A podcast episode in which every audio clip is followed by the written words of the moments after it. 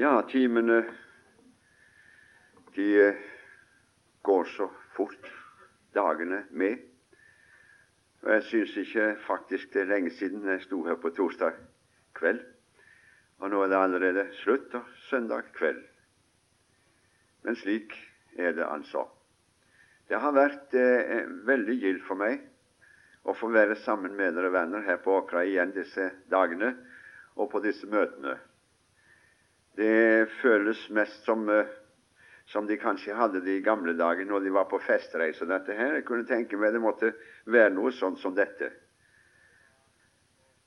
Det var også et fint ord vi fikk til en begynnelse av dette møtet i kveld. Jeg tror ikke det at det blir misforstått om jeg får lov å, å minne om det en gang til. Han leste 'For du har vært min hjelp'.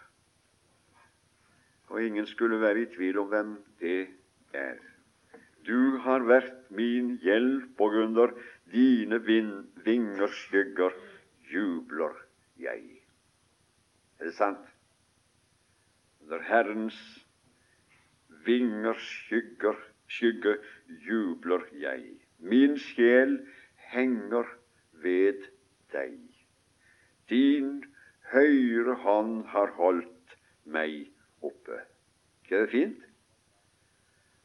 Jeg var glad for den, den hilsenen i kveld. Og, og, og er fint å høre Hva var det du sa? Dametrioen, dette? Ja. Og så opptre sånn liksom på så veldig kort varsel som de har fått nå, så var det veldig kjekt at det, at det var med å kunne synge i kveld. I kveld hadde jeg tenkt til å lese i Romerbrevets femte kapittel. Og jeg skal betro dere, venner, i kveld skal jeg få bringe det kjæreste jeg vet, det beste jeg vet. Jeg vet knapt om noen ting som har betydd så veldig for meg som akkurat det som jeg nå skal lese så skal jeg få lov å dele noe av den velsignelse som Herren har gitt meg igjennom Ordet, med dere venner som er kommet hit i kveld. Det er i Romerbrevets femte kapittel. Det er noe som er veldig gripende her på Åkra. Jeg har ikke sett uh, så mange unge mennesker med Bibelen i fanget som uh, så voldsomt unge, altså. Jeg vet ikke hvor gammel han er, han som sitter her nede forbi meg, er altså, men du må tro han finner fram. Nå leter han fram til romerbrevet i det femte kapittel. Det kan du skrive opp. Og da følger han med. Ja, for det, det er noe forunderlig med det der. Å, å, å ha Bibelen med seg, altså. Sitte og få Gudsordet inn gjennom ørene og inn gjennom øynene samtidig. Da må det vel endelig være et eller annet som sitter igjen.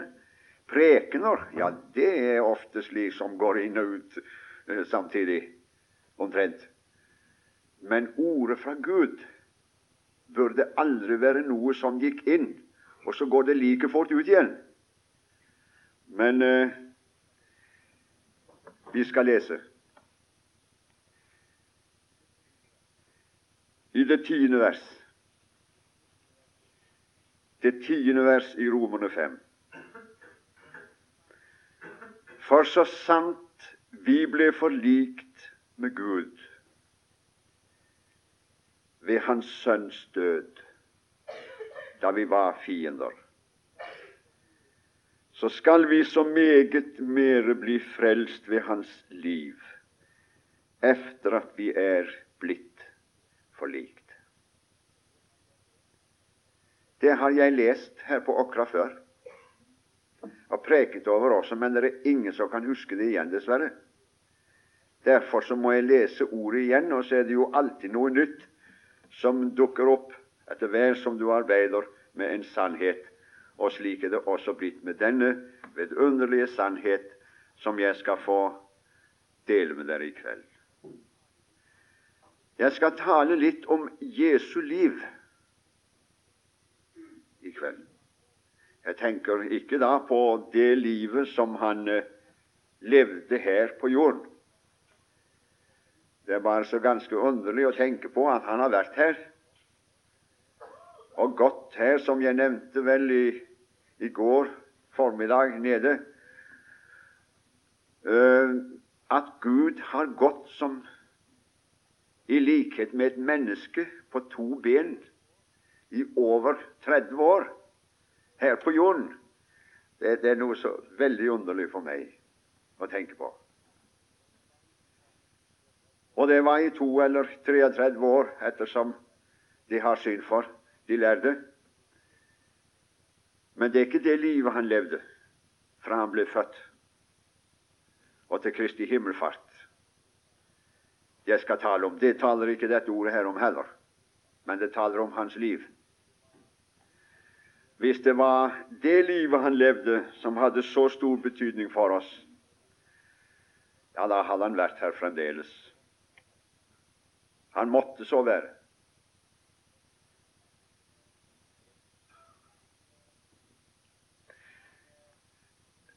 Han eh, sa det uttrykkelig selv når han ga sitt liv. Han var nemlig ikke kommet her til jorden for å leve. For som sagt, hvis han var kommet for å leve, så hadde han vært her fremdeles. Eller eh, hvem kunne du tenke deg som skulle greie å ta livet av Gud? Jeg bare spør. Hvem kunne greie det? Noen romerske soldater? En Herodes? En Pilatus? Nei, da sa Jesus til disse Hils den rev, sa Jesus til dem. Nei, han fryktet ingen. Det er ikke min tid nå, men jeg vet at den tiden kommer da jeg skal gi mitt liv. Men det er en annen sak. Det er ingen som kan ta mitt liv, sa han uttrykkelig fra. Men jeg setter det til av meg selv. Dertil er jeg kommet. For å dø ikke en alminnelig synders død, men dø i alle synderes sted. Det er helt noe annet.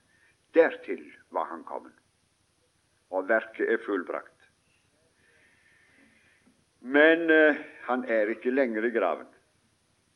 Det er det livet han lever etter oppstandelsen. Det er det livet han lever i dag. For han lever. Det er saken. Og han eh, lever ikke som en egoist, for det har han, har han aldri vært. Da han kom hit til jorden, så levde han ikke en eneste dag som en egoist, men han levde alltid ved tanke på menneskenes ve og vel. Han ga seg selv for deg og for meg. Da Kristus døde, da døde jeg. Da Kristus oppsto, da oppsto jeg.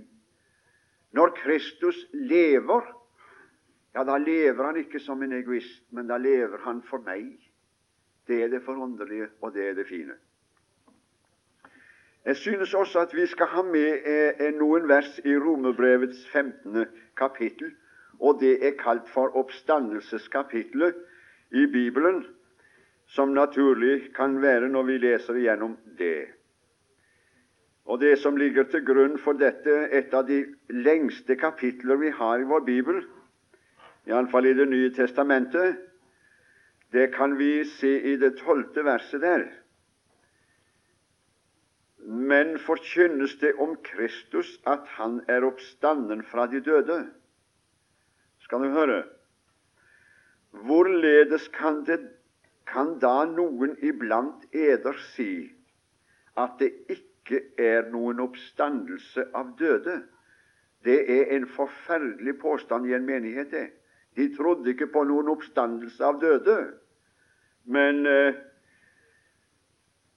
hvis det nå forkynnes om Kristus at han er oppstanden fra de døde, Hvorledes kan da noen iblant eder si at det ikke er noen oppstandelse av døde?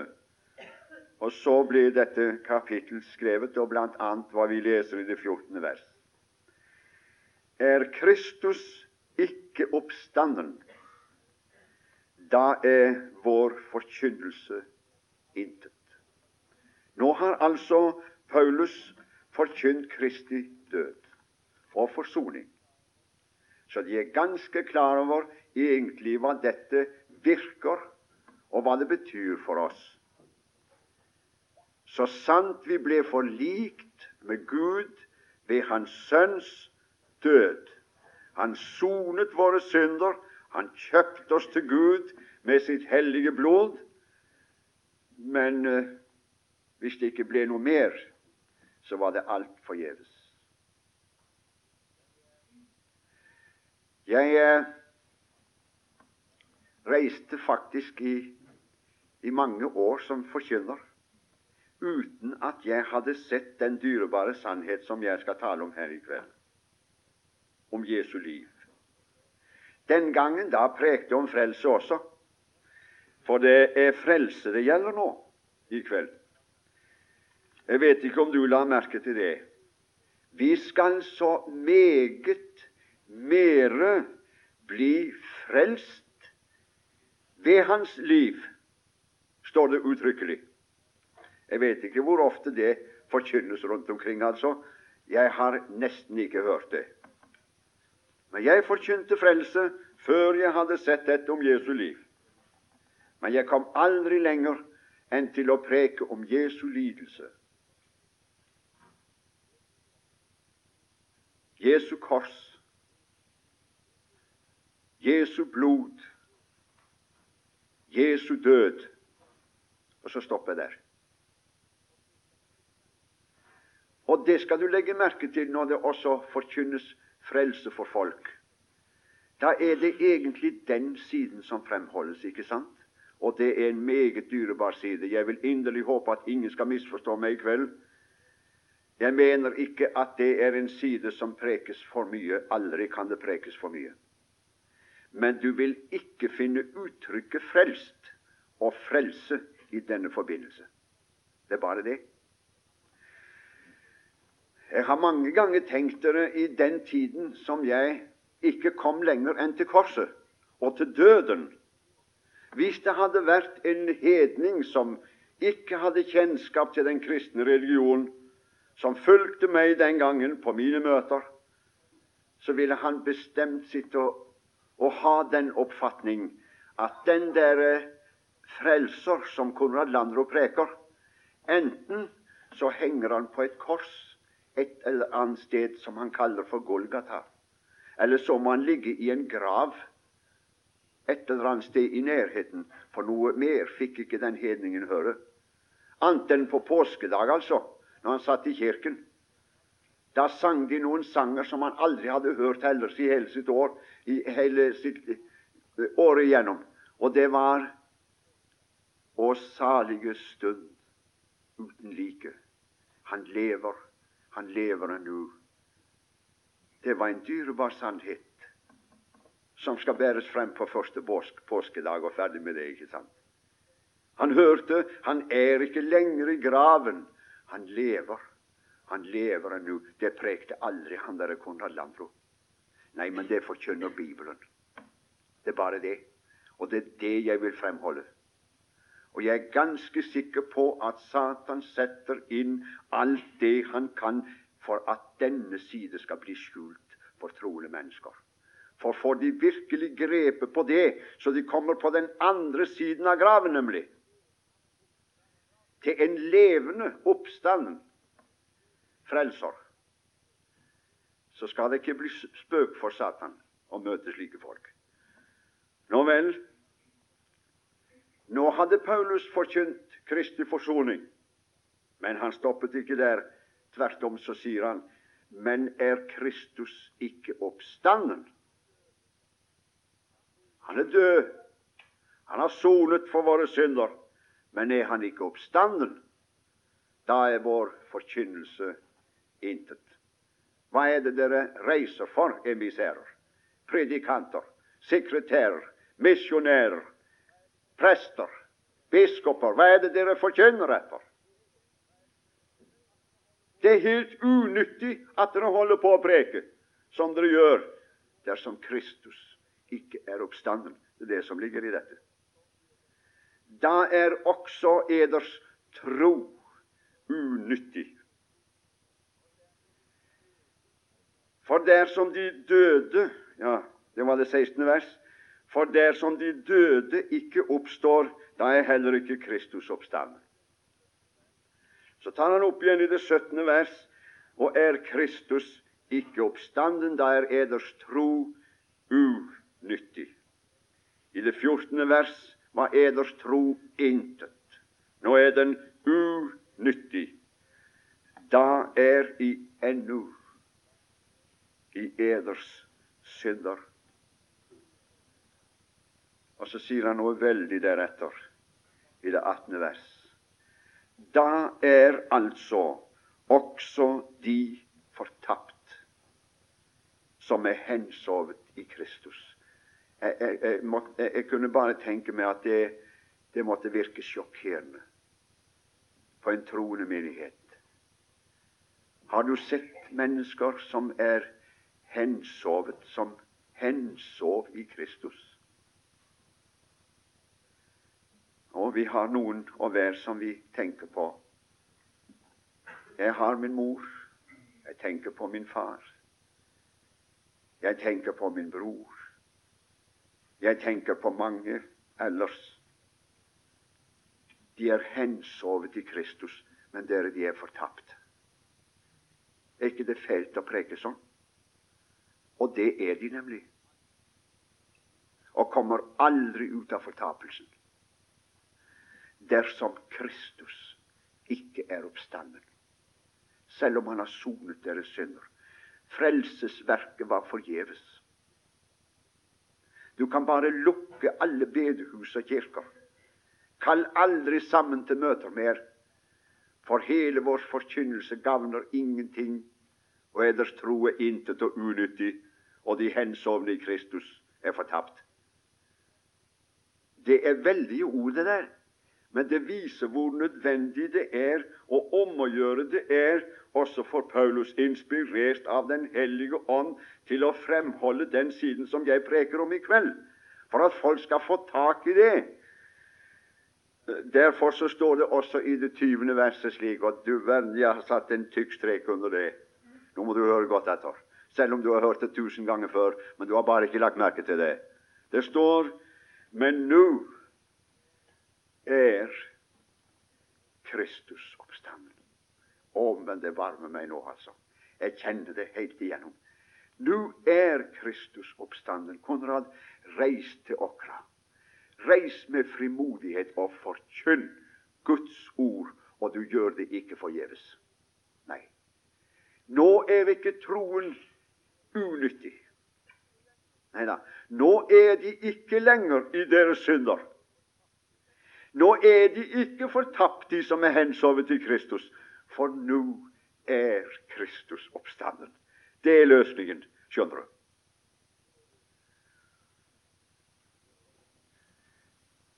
Han lever. Vi skal synge en sang i kveld. Vi tar kanskje påsken litt på forskudd. Jeg syns det var så lenge å vente i år til det ble påske. Så langt uti. Så jeg tenkte vi kunne ha en, en sånn liten påskekveld i kveld. Og da skal vi synge i kveld 'Å salige stund uten like'. Det er høytidssalmen, liksom, på påskedag. Men hvorfor ikke synge den i kveld? Hva skulle være i veien for det? Altså å begynne å synge i kveld og jul med sin glede og barnlige lyst, det, det, det, det ble helt noe annet. Nei, det, det passer liksom bare for julen. Men påskens vidunderlige budskap hele året igjennom. Vet du hva vi synger i, i et vers der? Og det er så typisk. Du søkte din trøst i den døde. Har du lagt merke til det? Sånn var det for meg. I årevis var det slik. Du søkte din trøst i den døde og dvelte ved gravnatten kun. Sånn var det for meg i mange år. Men så var jeg der jeg fikk denne velsignede opplevelse i Guds ord, levende gjort ved Den hellige ånd for mitt hjerte, så fikk du den levende møte og salige, salige stund. Og før jeg hadde fått sett denne dyrebare sannhet, mine venner, var jeg en stor egoist av en kristen og en trell uten like med mitt kristenliv. Jeg var så selvopptatt og strevde mest livet av meg for å forbedre meg og bli god og bra. Og så ble det så mislykket, og så var jeg så lei meg. Og så leste jeg og levde som om det skulle ha stått slik. Så sant vi ble forlikt med Gud ved Hans Sønns død da vi var fiender, så skal vi så meget mer bli frelst ved vårt liv efter at vi er blitt forlikt. Sånn innbilte meg at det sto. Så levde det etter. Og du verden så mange mennesker som lever etter noe som ikke står i Bibelen. De bare lever som om det skulle ha stått slik. Men hvor mye bedre er det ikke å se etter hvordan det står? Det har ingenting med vårt liv å gjøre når det gjelder vår personlige frelse. Vår frelse er avhengig av Frelseren, Jesus, som døde, som oppsto, som lever. Og det står så skal vi så meget mer bli frelst ved hans liv. Det livet han lever i helligdommen, i det himmelske tabernakel, hos Gud hver eneste dag. Dere, jeg hadde en stedfortreder som ikke bare døde min død, og den død er godtatt i himmelen hos Gud og være godtgjort for meg. Jeg har også en frelser som lever mitt liv for Faderen i denne stund. Og på grunn av det er jeg antatt, og så er jeg godtatt hos Gud for Hans skyld alene. Du snakker om at du kan bli glad i Jesus, og du snakker om at du kan bli takknemlig til Gud for han ordna det på den måten. Hadde han overlatt noe av det med frelse til meg og til oss, så hadde vi aldri blitt det. Men vår frelse, den står og faller med ham. Unnskyld, nå sa jeg noe skrekkelig stygt, altså. Jeg sa vår frelse står og faller. Det er ikke pent sagt. For det siste skal vi ikke ha med. For han faller aldri. Han feiler aldri. Han vil alltid holde mål for Gud. Og som han, så vi. Nå vel, etter at jeg fikk se denne dyrebare sannhet, så, så er det jo klart det at eh, Bibelen ble en helt annen bok for meg. Jeg sa jeg var en stor egoist som en kristen. Jeg leste mye i Bibelen den gangen også, med tanke på at hvis jeg leser tilstrekkelig mye nok i Bibelen, så skal det overføre en slags guddommelig kraft i meg. Har nesten sagt så jeg kan bli syndefri en gang, jeg også, for det, det er det jeg har så veldig lyst til. Du verden hvor jeg gleder meg til at Kristus skal komme, så jeg kan bli syndefri. Det er vel sånn med de fleste av oss. Når jeg ba til Gud, så var det fryktelig egoistisk. Du må hjelpe meg til å bli snill og god og til å bli en ordentlig, skikkelig kristen osv. Har du hørt så egoistisk i ditt liv? Det er det så egoistisk, sier noen. Ja, det er noe forferdelig egoistisk det der. Som om det var det som var det avgjørende som om det var det vi skulle leve på. Nå får jeg si jeg er blitt mer opptatt med det liv som vi har lest om i Romerbrevet 5. Og det er ikke mitt liv, men det er hans. Og det er noe helt vidunderlig, og det er en fenomenal forskjell å være opptatt med meg selv og mitt eget liv, og være opptatt med ham og hans liv. Like til denne dag, i alle disse år jeg nå har levd med Gud siden jeg var 19 år gammel, har jeg aldri en dag funnet noe ved dette liv som jeg kunne fryde og glede meg over. Tro meg. Men det har aldri hendt når jeg ble opptatt med den Herre Jesus, at jeg har funnet noe hos ham til å gråte over. Aldri.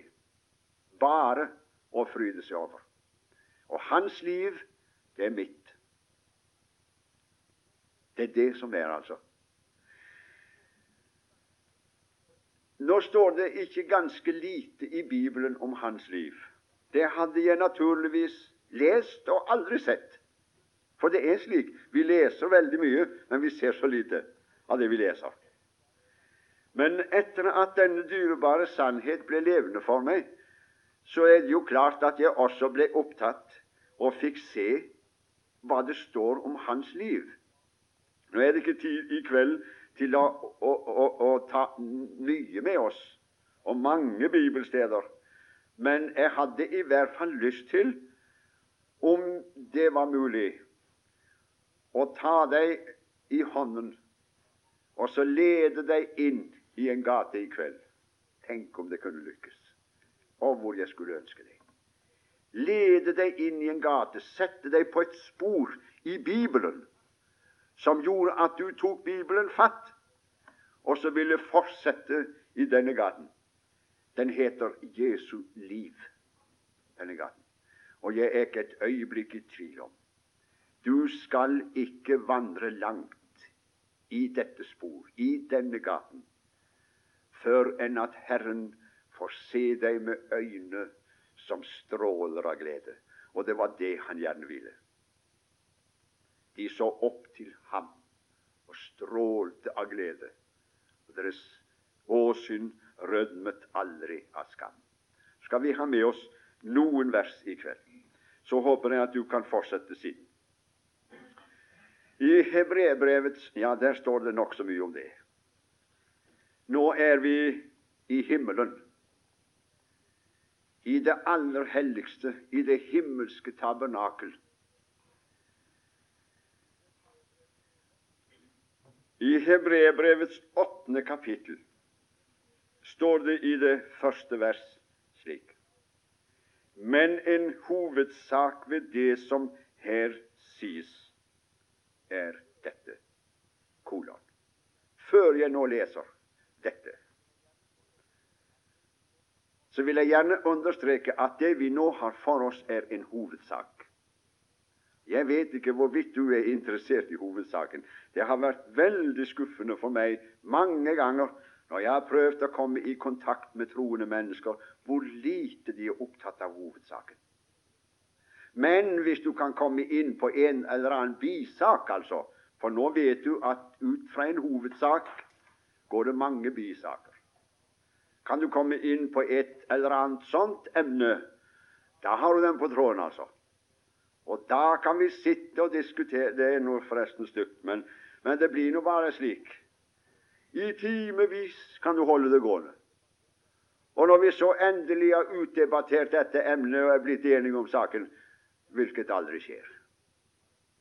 Derfor dere, har jeg slutta helt med det der. Med en gang prøver, at noen prøver å komme inn på slike ting, så kutter jeg ut. Jeg er ikke interessert.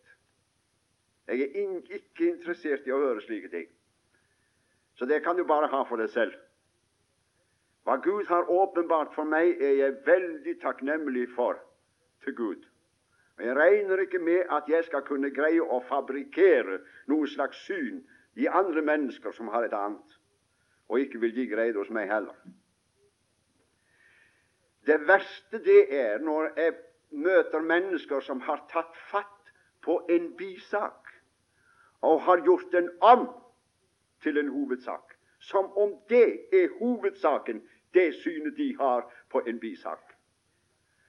Dere hva slike mennesker en gang skal svare for innenfor Gud, det vet ikke jeg, men det må bli et alvorlig møte, tror jeg. all den tid at Gud har sagt tydelig ifra hva som er en hovedsak.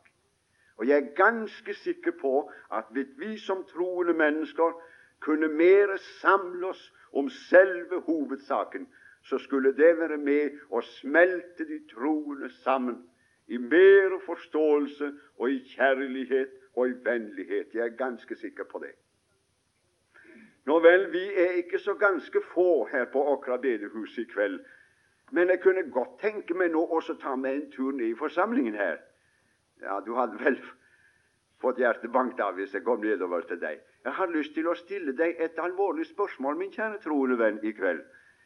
Hva er egentlig hovedsaken for deg? Jeg bare spør. For jeg synes at det må være et minimum av hva Gud må kunne forlange av de troende her. At de vet hva som er hovedsaken.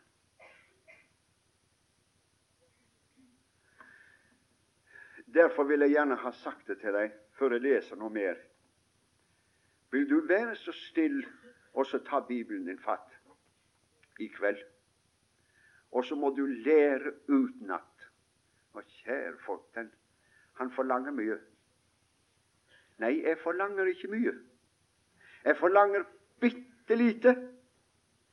Nå må du lære utenat, så du kan det virkelig kan det utenat før du sovner i kveld, du som er en kristen. Hebreerbrevets åttende kapittel. Kan du huske det nå? Altså, det er der vi leser det. Hebreerbrevets åttende kapittel de to første versene, f.eks. Du vil nå vel ikke fortelle meg at du er, du er blitt så glemsk at du ikke kan greie det der? Du husker nå så mye rart ellers så kan du nå jammen huske hovedsaken for at du er en troende mann og kvinne også.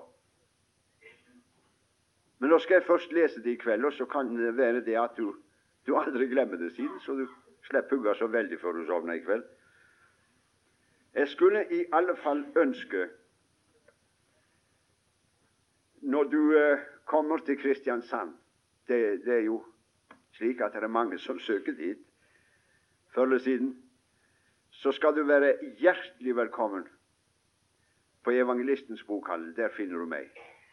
Den ligger i Dronningens gate 17 i Kristiansand. Og velkommen skal du være. Med en gang når jeg ser deg i sommer, du kommer inn til meg, så spør jeg deg rett ut. Hva er hovedsaken? Kan du svare meg på det? Og hjelpe deg hvis ikke du da svarer rett. Ja da etter det møtet vi har i kveld, så burde alle mennesker ha levende klart for seg hva som er en hovedsak i det å være en kristen. Så du skjønner, det, det, det er, det er nokså avgjørende ting vi har for oss i kveld. Det gjelder de troende, ikke de vantroende, for de har ingen tro på den slags likevel. En hovedsak ved det som her sies, er dette. Kolon. Og så kommer det. Vi har en sådan ypperste prest. Uff, ja, kan du tenke deg noe så tørt i ditt liv som når de begynner med dette ypperste preststyret fra prekestolen? Vet du, Sånn satt jeg og tenkte i årevis som kristen. Jeg har aldri hørt noe så tørt i mitt liv som når de begynte med dette der. I, i, i, i tabernaklet og i, i helligdommen og kan du, kan du, tenke deg hva, hva, jeg levde på? Hva jeg trodde på, egentlig? Hva er det folk har å holde seg til når de kaller seg for å være kristelige mennesker?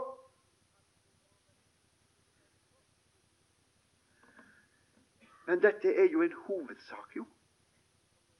Så det er ikke noe tørre ting.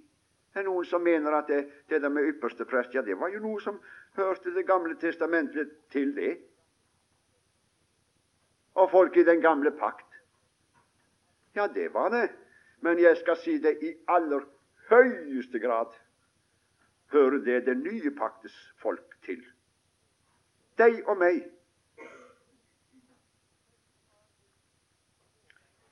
Vi har en sådan ypperste prest. Her er det ikke ypperste prester i flertall, som de hadde det i den gamle pakt. For det trenger ikke vi. Vi fikk så god en ypperste prest at vi greide oss med én. Og han gjorde et langt, og gjør et langt bedre verk enn alle de gammeltestamentlige ypperste prester til sammen. Det er saken. For det var ufullkommen alt med dem. Men hos ham finner de ingenting som heter ufullkommenhet. Det er bare det. En sådan ypperste prest som satte seg ved høyre side av majestetens trone i himlene. Det er veldig ord.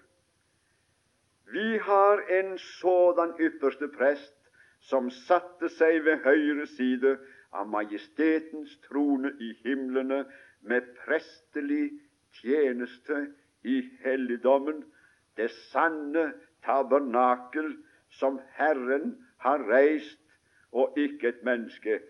Å, hvor tungvint er det der oppe i utenat. Ja, ja, men, men gjør det likevel, vennen min, selv om du syns det er litt tungvint. Nå skal du før eller siden så begynner denne dyrebare sannhet å livne for deg. Du har en oppstanden, en levende frelser, en ypperste prest, som er ved majestetens trone i himlene, med prestelig tjeneste i helligdommen. Ta han vekk. Se hva du har igjen da. Ta han vekk fra sin ypperste prestelige tjeneste i helligdommen. Den Herre Jesus.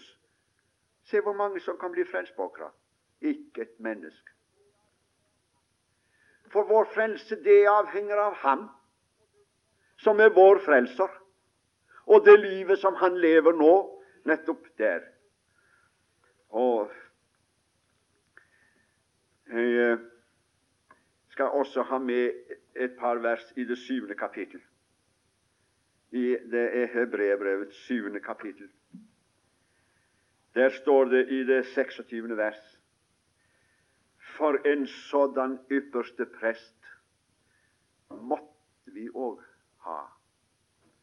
Og der har jeg satt en tykk strek under det ordet 'måtte', som igjen forteller oss at det ikke er likegyldig folk, enten vi har en sådan ypperste prest eller ikke. Ordet sier simpelthen at vi måtte ha en sådan ypperste prest. Vet du hvordan han er? Han er sådan som Hebreerbrevet 7,26 forteller oss. Og der står det slik En sådan ypperste prest måtte vi òg ha, hellig. Er det ikke det du ønsker oss å være? Å, men det har vært et skrik i mitt hjerte, Herre. Det var det jeg ville være. Hellig, uskyldig ren,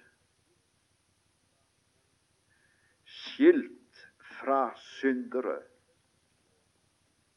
og opphøyet over himlene.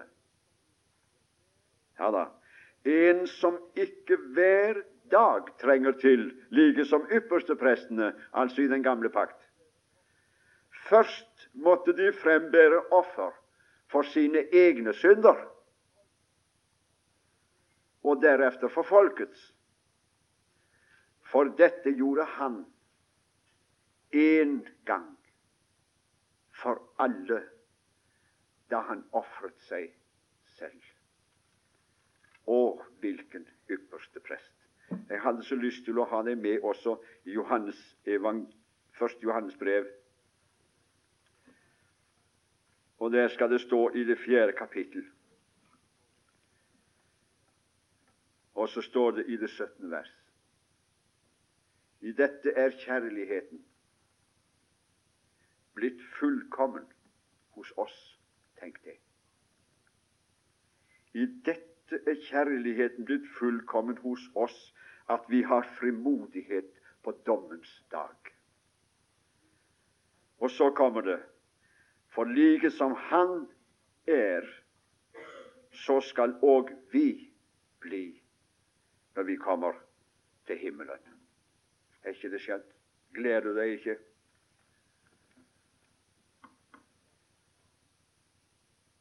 Nei, det var iallfall noen som rista på hodet. Men det var mange som godtok det der. Og nå leste spinngalt igjen. Ja, jamen sann. Men det høres så naturlig ut, sånn som vi leste det. Jeg husker Gustav Ballestad. Han kom på prekestolen en gang.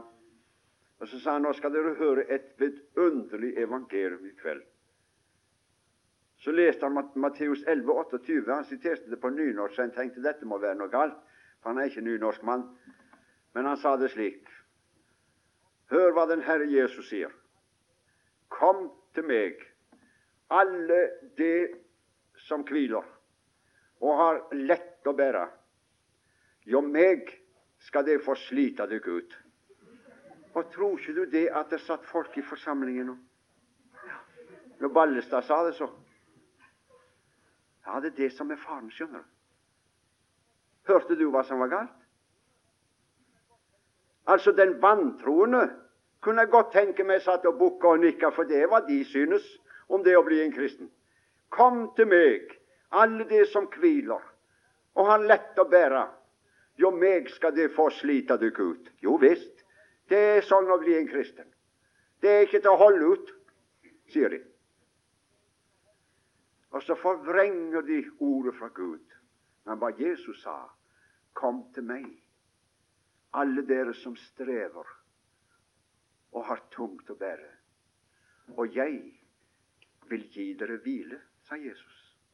Hvorfor ikke høre det, da? Og han lyver ikke som sa de ordene der. Det kan du skrive opp. Så leste jeg også her i kveld like som Han er, skal også vi bli når vi kommer til himmelen. Og det har vi jo vel saktens hørt. Ja da, da kan vi gjerne gå andre steder til Skriften, for det er også en dyrebar sannhet. Når vi får se Han som Han er, da skal vi bli ham like, ikke sant? Det er et ord som du kjenner til. Det er jo Johannes første brev, det også, i det tredje kapittel. Men her står det uttrykkelig en dyrebar sannhet som hører inn under det som vi er inne på i kveld. Der står for like som Han er, så er og vi. Ikke først da, når vi kommer til himmelen, skjønner du. Men ordet sier uttrykkelig 'så er og vi' i denne verden. Og langt ifra, sier noen. Da står jeg langt tilbake. For hva da? For det som står skrevet? Men, men du må aldri prøve å protestere på det som står der, altså. Hvis det står at som Han er, så er òg vi i denne verden, så står det slik. Og så er det slik, nemlig. Hvordan er han da? Han er hellig. Han er ren. Med andre ord, han er fullkommen. Og det er du også, som en troende. Du kan prøve å forbedre deg tusen ganger, min venn, i ditt liv. Du vil aldri bli et hår bedre for Gud enn det du er nett slik som du sitter der i kveld. For nå er du fullkommen for Gud. Nå er du som Han er. For nå er Kristi død godtatt som om det var din død for dine synder.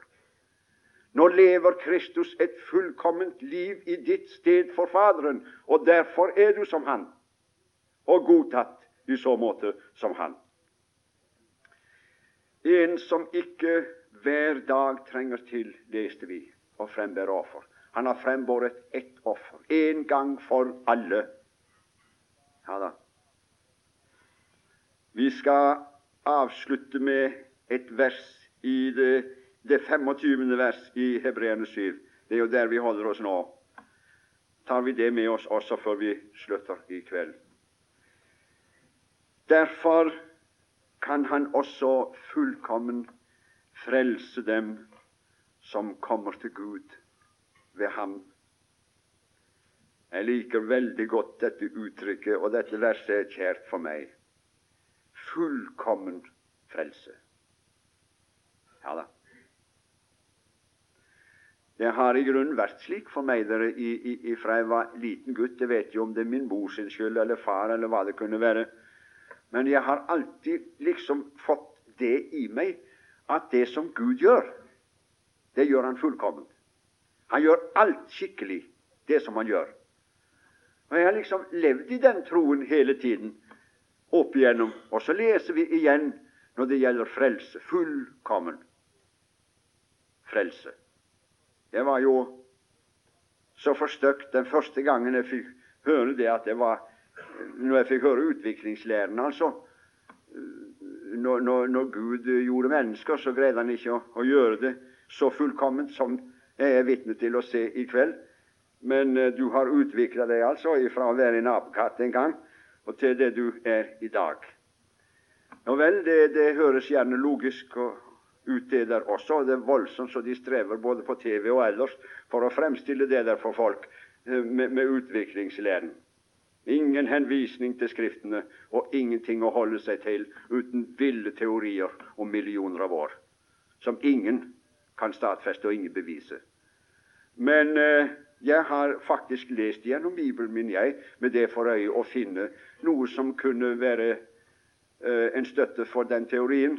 Men jeg har aldri funnet noen ting av det, og jeg kan ikke si at jeg er så lei for det heller. Så jeg vil tro det at hvis jeg hadde en slik tilhører i kveld, så ble han litt fornærma og sinna på meg, for han er så veldig glad for det at han har utvikla seg fra en apekatt til det han er i dag. Jeg kan ikke skjønne meg ellers på den måten der å leve sitt liv på. Men eh, jeg har jo sett det, så det har vi alle.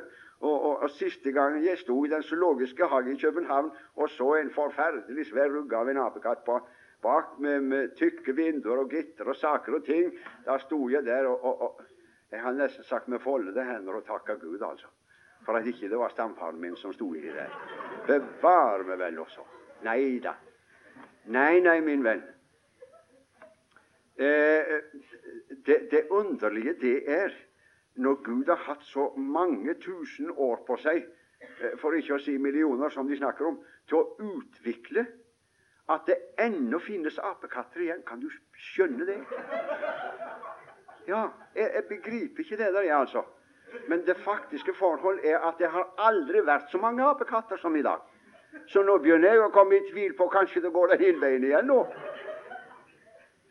Nei, altså, det, det, holder ikke, skjønner du. Det er bare latterlig. Det er riktig, så jeg liker det der, at jeg lærer det i kveld. For saken er den at når Gud påtar seg å gjøre et menneske, da gjør han ikke en apekatt, for da hadde det stått det. Men når han gjør et menneske, så gjør han det fullkomment. Og de to første mennesker som Gud gjorde, de gjorde han så fullkommen at det har ikke vært mer fullkomne mennesker på jorden. Mennesker som de to. Og jeg kan ikke si at jeg er lei for det. Nei, men jeg takker Gud for det, at Han gjør det slik. For vi leser i kveld når det gjelder din og min frelse, så står det Han kan fullkommen frelse dem han frelser dem ikke sånn 95% altså, og overlater resten til deg og meg for å fullføre det fullkomne. Men han gjør det selv, helt alene, når han frelser en synder. Så når jeg står frem og bekjenner frimodig at jeg er en frelst mann, tro meg, folk, som dere ser meg her i kveld, jeg er fullkommen frelst. Det var en som er fryktelig ovenpå. Er det noen som misforstår når jeg taler på den måten der? Men da misforstår de hva jeg sier. For når jeg begrunner min frelse, da er det ikke av at jeg har holdt mål på noen tid, eller på noe vis. Men jeg henviser det der med frelse til Gud og sier det er Han som har frelst meg. Og derfor vet jeg Han har gjort det skikkelig. Fullkomment. Så du som er frelst her i kveld, du er ikke nesten. Nei, men du er fullkomment frelst fordi det er Guds som har gjort det der.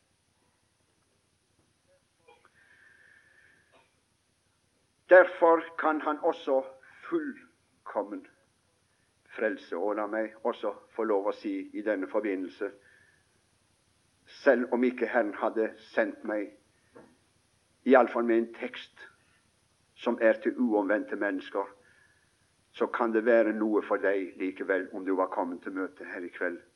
Min kjære ufrelste venn, er du en av dem som ønsker å bli frelst? Er du klar over hvilken anledning som er din i kveld? For nå er Gud her. Han som vi hørte tidligere en kveld, han er en mester i det der å frelse folk. Er du klar over at du kan bli fullkommen frelst i kveld ved å gi deg over til Gud? Oppgi motstanden imot ham, vennen min, og så gir du deg rett over til ham, og så sier 'Ta meg, Jesus, frels meg'. Og jeg skal si han ikke sen når det er slike mennesker som overgir seg. Det er på den måten du kan bli frelst. Du må, du må overlate det der til Gud. Prøv aldri å ta den saken i dine he egne hender. Hva skal jeg gjøre, og hvordan skal jeg stelle meg? Og du skal gi det over, ganske enkelt. Gi opp din motstand imot Gud.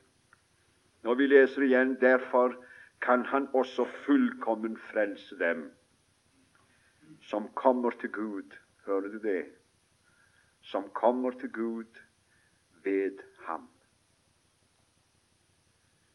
Og så kommer vi frem til begrunnelsen av hans fullkomne frelse. Og det har jeg streka veldig godt under hos meg. Det er på grunn av dette da han alltid lever. Har du lest det? Så skal vi så meget mer bli frelst ved hans liv, leste vi. Og her da han alltid lever til å gå i forbønn for dem. Jeg vet ikke om dette kan ha blitt noen ting for deg. For meg betyr det uendelig. Jeg er så lykkelig, og jeg er så glad. Likevel kunne det være noen som tenker som så, ja, etter dette så må man jo få en forståelse av at du kan, du kan leve som du vil. Ja, min venn, det kan du. Du kan leve just som du vil. Kan du det? Hvordan vil du leve da? Det var nemlig en mann som satt og ergra seg voldsomt over eh, den slags forkynnelse. Så han stoppet predikanten når han skulle gå hjem, og så spør han tror du ikke det er livsfarlig med den forkynnelsen der. Det høres ut for meg, når jeg satt og hørte i kveld, som hvis du bare er i Kristus Jesus, så kan du leve vilt, just som du vil. Da ble predikanten helt overgitt. Han spurte han, si meg en gang, er du en kristen? Ja, ja, mens han, han hadde levd med Gud i så og så mange år. Vil du nå svare meg på én ting, sa predikanten. Hvordan vil du nå leve hvis du får leve som du vil? Og du synes dette er så livsfarlig en forkynnelse. Og det er altså for deg. Men hvordan vil du leve da, vennen min? Jeg har nå den vemmelige følelsen av at hvis du fikk leve som du ville, så ville du kaste deg ut i synd og leve vilt og aldri ta det så nøye med noen ting. Si meg en gang, er det sånn du vil leve når du sier du er en troende, og sier at du er frelst? Da må jeg dessverre si deg, min venn, du har aldri opplevd det der å bli frelst. Du har aldri opplevd det der å bli født av Guds ord og av Guds ånd. Det har aldri skjedd en gjenfødelse i deg hvis frigjørelsen i Kristus og den forkynnelsen skal virke til at du har lyst til å kaste deg ut i synd. Jeg må få lov å bekjenne for deg, for min egen del, at hvis jeg nå hadde fått lyst, hadde fått lov til å leve som jeg vil, så skulle jeg leve som Jesus. Å, men jeg har lyst til å leve vekk ifra synden, vekk ifra verden. Jeg har lyst til å leve hellig og rent for Gud. Det har vært mitt ønske, og det har vært min bønn, tro meg, ifra jeg ble født på ny